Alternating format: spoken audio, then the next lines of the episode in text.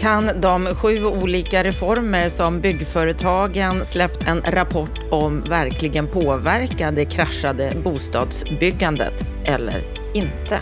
Hur är det egentligen med de olika ländernas bostadspolitik? Hur kommer det sig att Sverige är sämst i klassen? Mm, det har Mäklarsamfundet tittat på. Och när det gäller att kunna vräka förövare som begår våld mot sina kvinnor så att de får förstahandskontraktet, är det en framkomlig väg? Och hur står det egentligen till med räntepolitiken? Riksbanken de säger att det är 50-50 för en höjning av räntan i februari, men det tror inte marknaden. Varmt välkommen till Bopolpodden och till veckans Aktuellt där vi tar upp det senaste som har hänt på marknaden under veckan. Alldeles strax får du träffa en något förkyld Lennart Berg som ger sina kommentarer. Varmt välkommen. Jag heter Anna Bellman.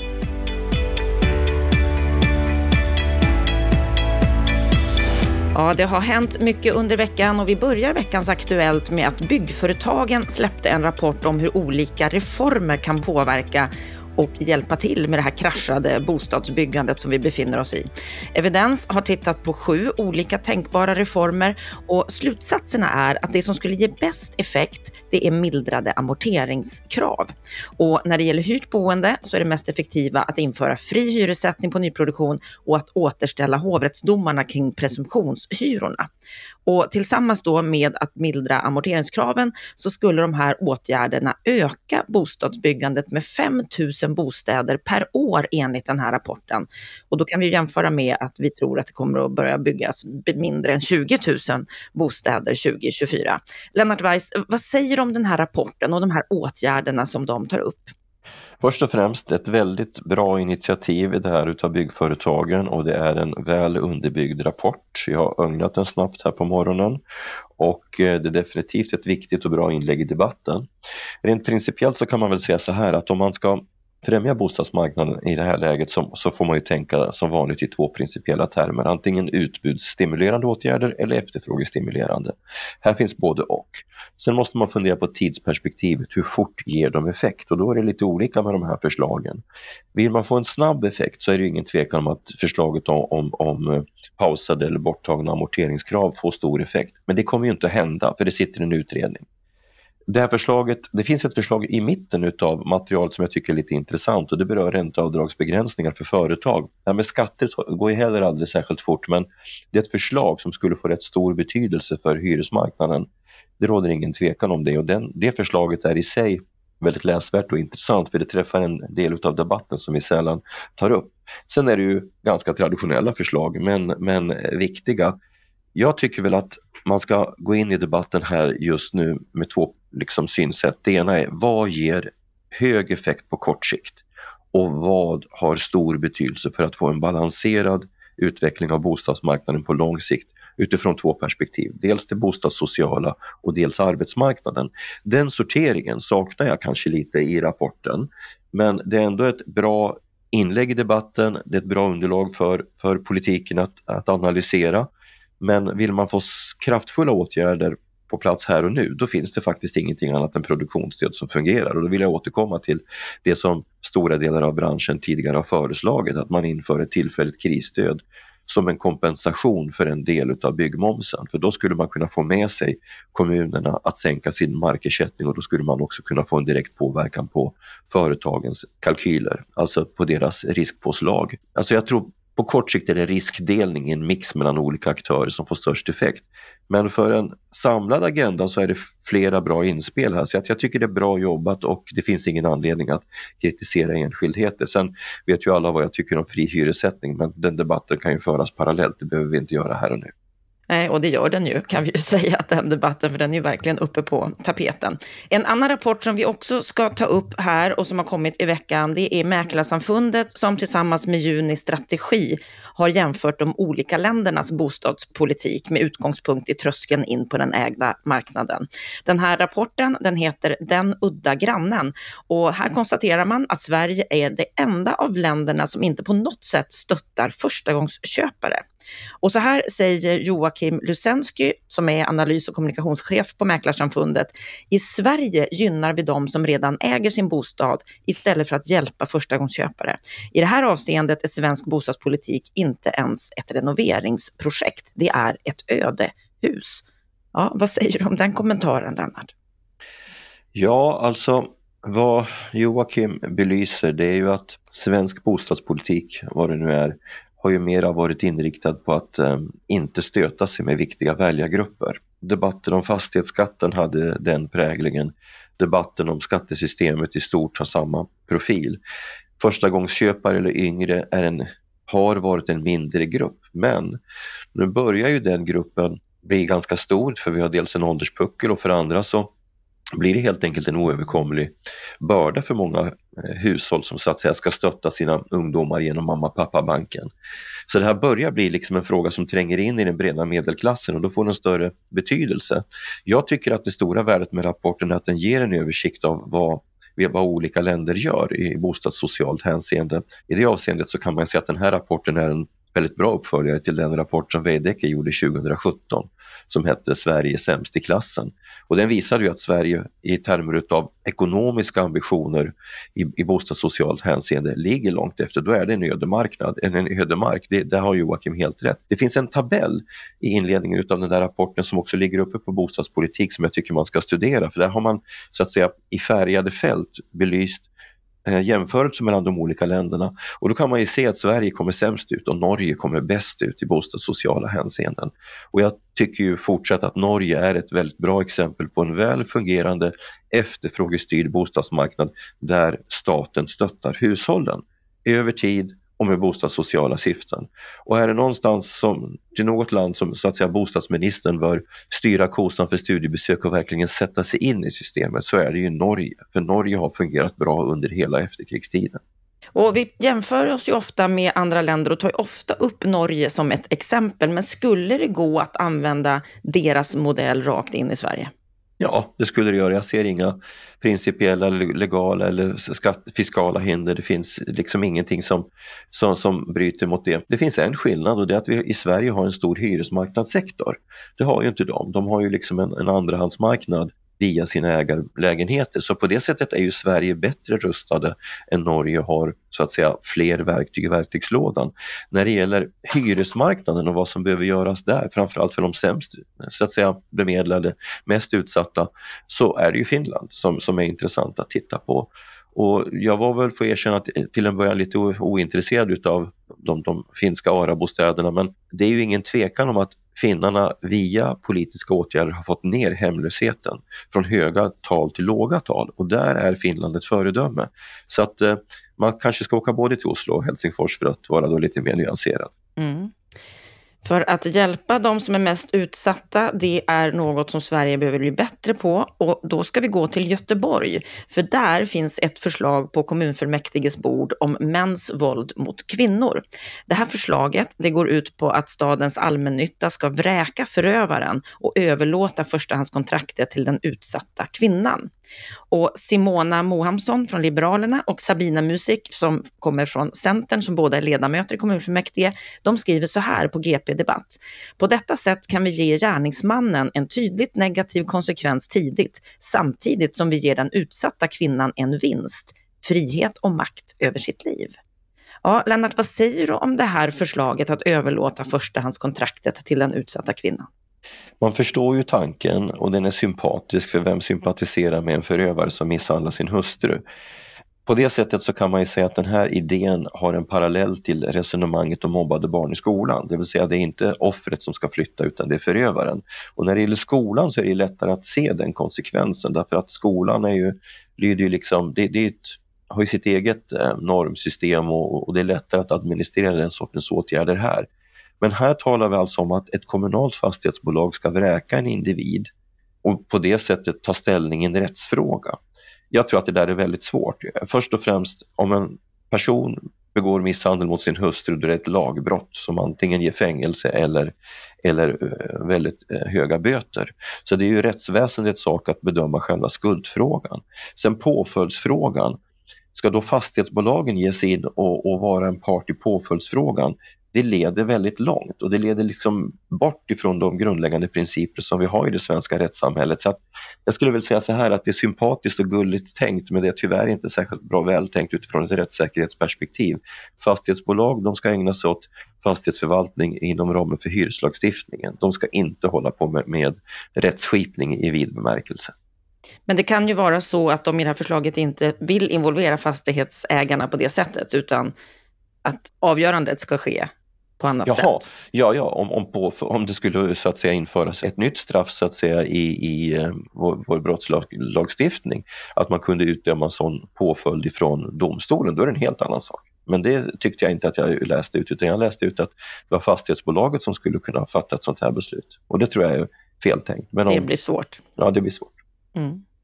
Vi ska gå vidare till eh, Riksbanken som vi vet för ett par veckor sedan, då var de i valet och kvalet, skulle det höjas ränta eller inte? Och då valde de ju att låta räntan ligga still på 4% Men sedan dess så har vår riksbankschef Erik Thedéen gått ut och sagt att det är 50-50 om det blir en räntehöjning till i februari.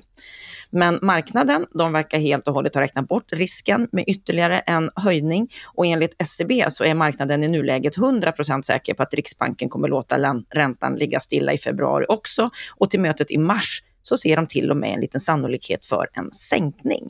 Vad säger du om det här, Lennart, när det gäller ränteläget? Ja, jag, jag, jag vill tillgripa en fotbollsmetafor. Det berättas ju om den gamla fotbollsspelaren Bosse Larsson som skulle ranka möjligheterna till Malmö FFs seger i en kommande match och då säger reportern, vad tror du, är det 50-50? Varpå Bosse Larsson sa, nej det är väl snarare 70-70. Alltså det här följer ungefär samma rimliga logik. Alltså om inflationen faller, vilket alla säger och även Riksbanken förutsäger, de säger ju att, att inflationen ska ligga nere på 2% redan nästa höst, så är det ju ganska orimligt att tänka sig att de skulle höja räntan i februari. Men jag förstår ju samtidigt Thedéen att han måste hålla i den här retoriken därför att han är ju mån om att hushållen stramar åt och att eh, företagen inte ägnar sig åt att passa på inflation. Så att det är förståeligt att man bedriver den retoriken, men den är inte särskilt sannolik. Och dessutom så måste vi ta i beaktande att Sveriges riksbank är liten. Om Fed börjar sänka i februari och ECB sen följer efter, då har Riksbanken inget alternativ. Men ytterst så handlar det naturligtvis om sambandet mellan inflation och räntor och allting tyder på att inflationstrycket minskar väldigt kraftigt i ekonomin. Och jag tror ju mer på de som tror att eh, räntorna kommer börja sjunka med start från eh, säg andra kvartalet nästa år. Ja, det är många som tror det och vi får, vi får se vad som händer. Men redan i januari så kommer vi diskutera den här frågan ganska ingående, för då kommer vice riksbankschef Anna Breman till vårt event Bopo Live som är den 17 januari. Hon kommer där göra en presentation och hon kommer även diskutera penningpolitiken med SBABs Robert Boye. Så Gå in på bostadspolitik.se och klicka in dig på Bopo Live 17 januari och anmäl dig framför allt för att möta Anna Breman på det eventet.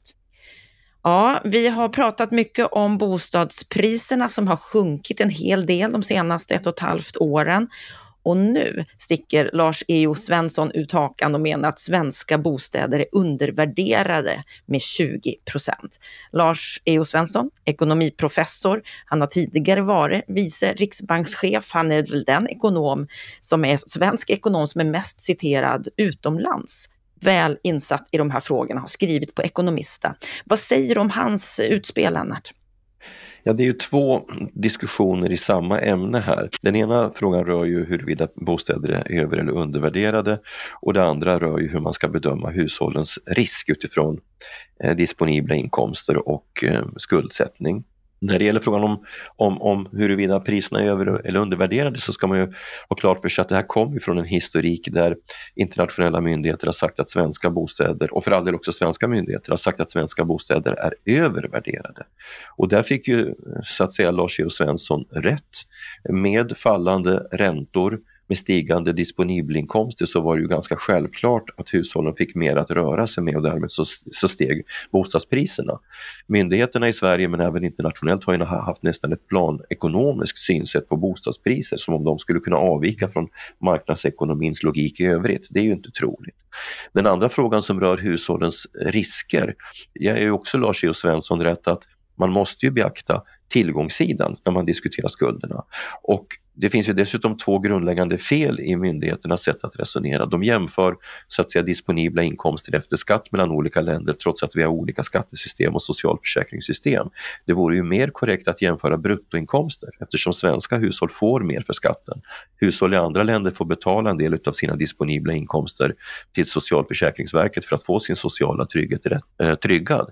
Så att man använder fel jämförelsetal och sen prat, tittar man inte heller på hushållens räntebetalningsförmåga utan man tittar på disponibelinkomster mot, mot skuldsättning. Så att jämförelserna är fel på flera olika sätt och där har Lars-Erik Svensson gjort en stor insats som har liksom korrigerat de här väldigt stela modellerna som myndigheterna har använt sig utav. Det, var ju särskilt, det hade ju särskilt högkonjunktur under Stefan Ingves men, men faktiskt också under Thedéens tid som chef för Finansinspektionen. Så jag tycker det är bra att Lars-Erik är inne och vispar. Det gör att debatten ändå balanseras. Men jag tycker att man borde lyssna mer på Lars EO. Sen, huruvida bostadspriserna här och nu är under eller övervärderade, det finns ingen anledning att diskutera det. Det avgör marknaden och när räntorna kommer gå ner så kommer det också se en effekt på priserna. Vi ska gå vidare i den här veckan där det har skrivits och hänt mycket och vi ska titta på sex forskare från forskarkollektivet Fundament som har släppt boken kris i bostadsfrågan. Där analyserar de svensk bostadshistoria med fokus på byggande, finansiering och politiska beslut. Och de efterfrågar vad de kallar en solidarisk bostadspolitik, där staten ska ta mycket större ansvar för bostadsbyggandet. Och Dominika V. Polanska som är docent i sociologi vid Södertörns högskola, hon är en av författarna och hon säger så här. Vi förespråkar till exempel ett statligt byggbolag som kan sätta normen för vad det kostar att bygga och på så sätt hålla uppe en transparens kring kostnaden för byggande och boende. Vi ser också att samhället måste rikta om de resurser som går till det ägda boendet till andra former av boende. Ja, vad säger du om, om det, Lennart? Ja, det här är nog ett av de mer kvasivetenskapliga inlägg i debatten som jag har sett. Men då och då dyker det upp sådana här inlagor ifrån från eh, olika högskolor och universitet. De är alltid väldigt starkt vänsterlutande och eh, i det närmaste helt orealistiska. Det, det, här saknas ju överhuvudtaget en ekonomisk analys av bostadspolitiken. Det saknas en analys av de konsekvenser som så att säga i positiv mening som avregleringarna hade. Och det saknas en jämförelse mellan olika länder. Jag, jag bläddrade lite i den här rapporten och jag tycker att den är nästan ointressant. Man försvarar till exempel att man Eh, man kritiserar till exempel att man löste upp bostadsrättsmarknaden i slutet på 60-talet. Man vill tillbaka till bostadspolitiken före 1990-talet och egentligen tillbaka till den bostadssociala utredningens program och genomföra det till punkt och pricka. Det skulle kosta astronomiska belopp. Det finns ingen ekonomisk analys utav detta. Och det skulle skapa enorma konvulsioner i marknaden om man plötsligt skulle straffbeskatta de som sitter med bostäder. De, de, är, de utgör ju två tredjedelar utav beståndet som vi kommenterade tidigare så finns det intressanta modeller från andra länder. Man ska titta på dem. Sen måste man utgå från det man har och fundera på hur man utifrån det bestånd som existerar idag kan åstadkomma bostadssociala åtgärder som leder till solidariska, en solidarisk bostadsmarknad. Och då får man använda skattepolitiken, det måste man göra. Och då får man titta på möjligheter att stötta svaga hushåll och då får man titta på de svagaste gruppernas hushåll. Men det här är exempel på ett modelltänkande där liksom de politiska åtgärderna görs till ideologi och jag ogillar sånt väldigt, väldigt starkt. Så att, nej, släng den där rapporten i papperskorgen och den kommer inte fylla någon funktion i debatten heller. För en sak till, vad menar de med statligt byggbolag? Alltså det är återigen, menar de ett, ett entreprenadbolag eller fastighetsbolag? Man kunde börja med att reda ut sådana grundläggande saker. Nej, vi släpper den där rapporten. Ja, det hörs att du nästan blir upprörd när du pratar om den. Så vi går vidare till eh, den sista nyheten som vi ska ta upp här i veckans Aktuellt. Och det är att det ju i byggindustrin har skrivits ett antal artiklar på senare tid om det utbredda fusket med dolda rabatter på byggmaterial. Och i korthet så går det här ut på att när entreprenörer fakturerar slutkunden för byggmaterial, då fakturerar de mycket mer än vad de själva har betalat. De lägger på i priset.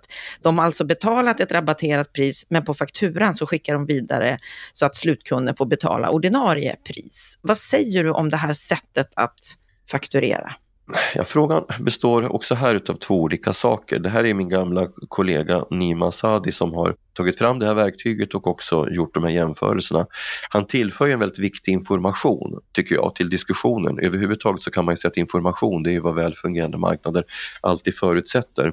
Han visar att det är väldigt stora skillnader på pris på samma vara beroende på vem som köper den och i vilket sammanhang den köps. Så det finns ju uppenbarligen rabatter, bakprovisioner och annat som påverkar så att säga kostnadsbilden.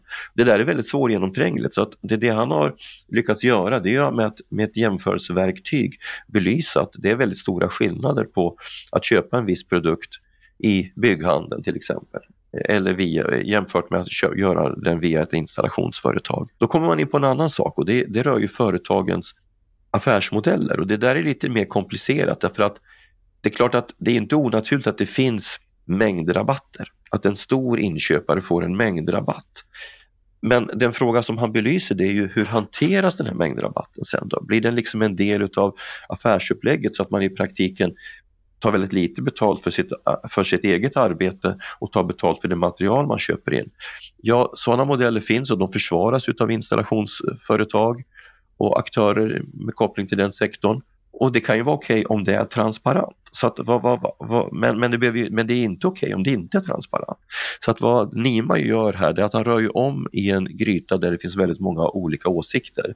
Det är inte lätt att ta ställning rakt av till alla de här frågorna. Vad är rätt och fel så att säga när det gäller mängdrabatter och så vidare. Men vad man kan ta ställning till är att det är viktigt att alla har korrekt information och att en, och att en affärsöverenskommelse baseras på transparent information så att man vet vad man faktiskt förhandlar om. Där gör han en viktig insats Nima och det här verktyget som han har tagit fram det märker jag ju möter en växande efterfrågan på byggherresidan för de är ju kolossalt intresserade av de här jämförelserna som underlag för för, för prisförhandlingar med sina entreprenörer och underentreprenörer i sin tur. Går det att få total transparens i den här frågan tror du? Vet inte, men eh, han har ju redan satt igång en debatt genom att ta fram det här verktyget och jag vet ju att byggherrarna har tagit det här till sitt eh, hjärta och jag vet att många beställare köper det här verktyget idag och fler kommer säkert att komma till så att det kommer att leda till en annan typ av eh, Ja, det, kommer påverka, det kommer påverka förhandlingarna om entreprenadavtal och priser alldeles uppenbart. Så att, eh, men om man kan uppnå full transparens, det vet jag inte. Men, men jag tycker att det är önskvärt med större ökad transparens. Det var det vi hade från veckans Aktuellt den här veckan. Tack Lennart för dina kommentarer. Men redan på måndag är vi ju tillbaka igen med ett fördjupat samtal. Och på måndag, då ska vi prata om att ingen ska behöva bo på gatan. Det går att utrota hemlösheten. Vi måste kunna bygga och erbjuda de här 33 000 dryga människorna ordnat Det kan liksom inte vara omöjligt. Det är ändå 2023 vi går mot 2024. Vi är ett så för civiliserat samhälle för att ha en massa hemlösa. Ja, där hörde du Patti Hansén från Räddningsmissionen i Göteborg. Och jag var där och träffade honom och hans kollega Arash. Vi måste ju alltså kunna bygga och erbjuda boenden till alla i vårt samhälle. Vi är ett civiliserat samhälle. Mm. Träffa Patti och Arash på måndag. Med eh, detta så önskar vi dig en riktigt trevlig helg.